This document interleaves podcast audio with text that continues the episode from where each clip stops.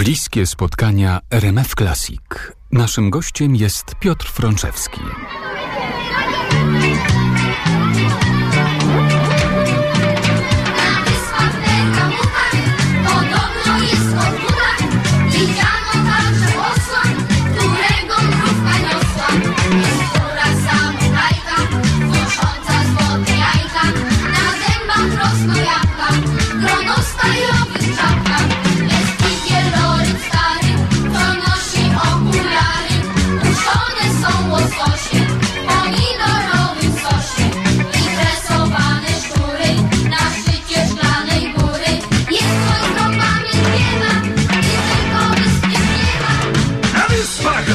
Bergamutach Podobno jest od budach Widziano także osła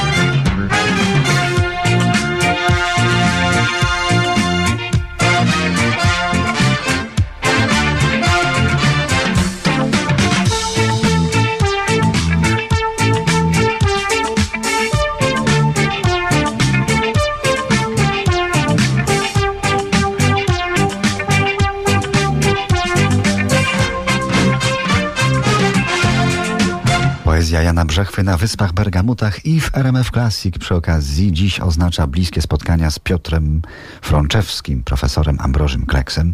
30-lecie Akademii Pana Kleksa w tym roku. Pierwszy film z Kleksowej sagi Krzysztofa Gradowskiego na ekrany polskich kin wszedł na początku 1984 roku. Kręcono w podłych czasach, ale w malowniczych miejscach, jak w Nieborowie na przykład.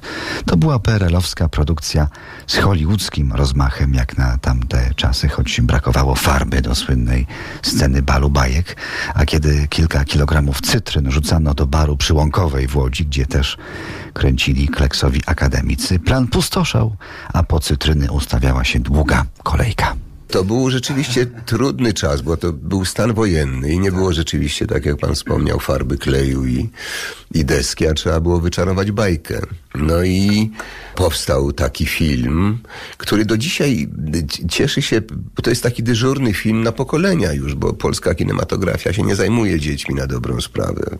Przynajmniej nie, nie w stopniu satysfakcjonującym. Ale ta siermiężność tego kleksa, ta prostota, rodzaj takiej naiwności technicznej, okazuje się, że dla współczesnych dzieci, które obsługują laptopy, komputery, tablety i inne rzeczy bez mrugnięcia oka i z wielką wprawą, okazuje się czymś ciekawym, czymś no, dla nich godnym uwagi, budzącym jakieś emocje również. Dzisiaj, gdyby taki kleks powstał po powiedzmy całej historii Harry'ego Pottera, no byłby na pewno filmem innym, być może atrakcyjniejszym pod względem wizualnym, Natomiast przekaz tych takich najprostszych właśnie treści, naj, najprostszej filozofii, jaką dziecko jest w stanie przyjąć, zrozumieć i zaakceptować, jest podstawą sukcesu tego filmu. No bo nie, nie da się ukryć, że, że to jest sukces. No, to obejrzało już chyba z 15 milionów dzieci łącznie z rodzicami. I ma to jakiś taki swój niezaprzeczalny wdzięk, no, wynikający właśnie z tej, z tej prostoty, z otwartości, nie, nie, nie posługiwania się tym komputerem, który jest w stanie wszystko wyczarować, w związku z czym film też dla mnie, przyznam szczerze, stracił taką nie chcę powiedzieć, że wartość, ale film już jest właściwie bez tajemnic, ponieważ komputer jest w stanie wszystko zrobić we współpracy z człowiekiem i za człowieka. I dawniej, jak oglądaliśmy jakie filmy, jak nie wiem, na przykład Upadek Cesarstwa Rzymskiego, jak był w ogólnym planie wielki marsz wojska armii rzymskiej, no to tam rzeczywiście szło pięć tysięcy osób, pięć tysięcy ludzi. Dzisiaj jesteśmy to w stanie wykreować jednym przyciskiem grafika komputerowego. I... No i wiemy, że to tak zostało zrobione poza tym, prawda? No więc właśnie. Temu filmowi sprzed 30, 40, powiedzmy 50 lat towarzyszyła jakaś magia, jakaś tajemnica. Ta światłoczułość właśnie, o której wspomniałem i taśma światłoczuła, którą rozumiał prawdopodobnie tylko operator, który miał szkiełko, lubkę, dziwne urządzenie zwane światłomierzem. Dzisiaj wszystko można sprawdzić na planie, w czasie prób, zobaczyć na monitorze, jak ten obraz wygląda. Oczywiście posługują się tym e, wspaniale operatorzy. Zresztą kino polskie, najmocniejszy pion to jest pion operatorski. Są wielce utalentowani. Piotr Frączewski w bliskich spotkaniach RMF Classic. Zaprasza Dariusz Stańczuk.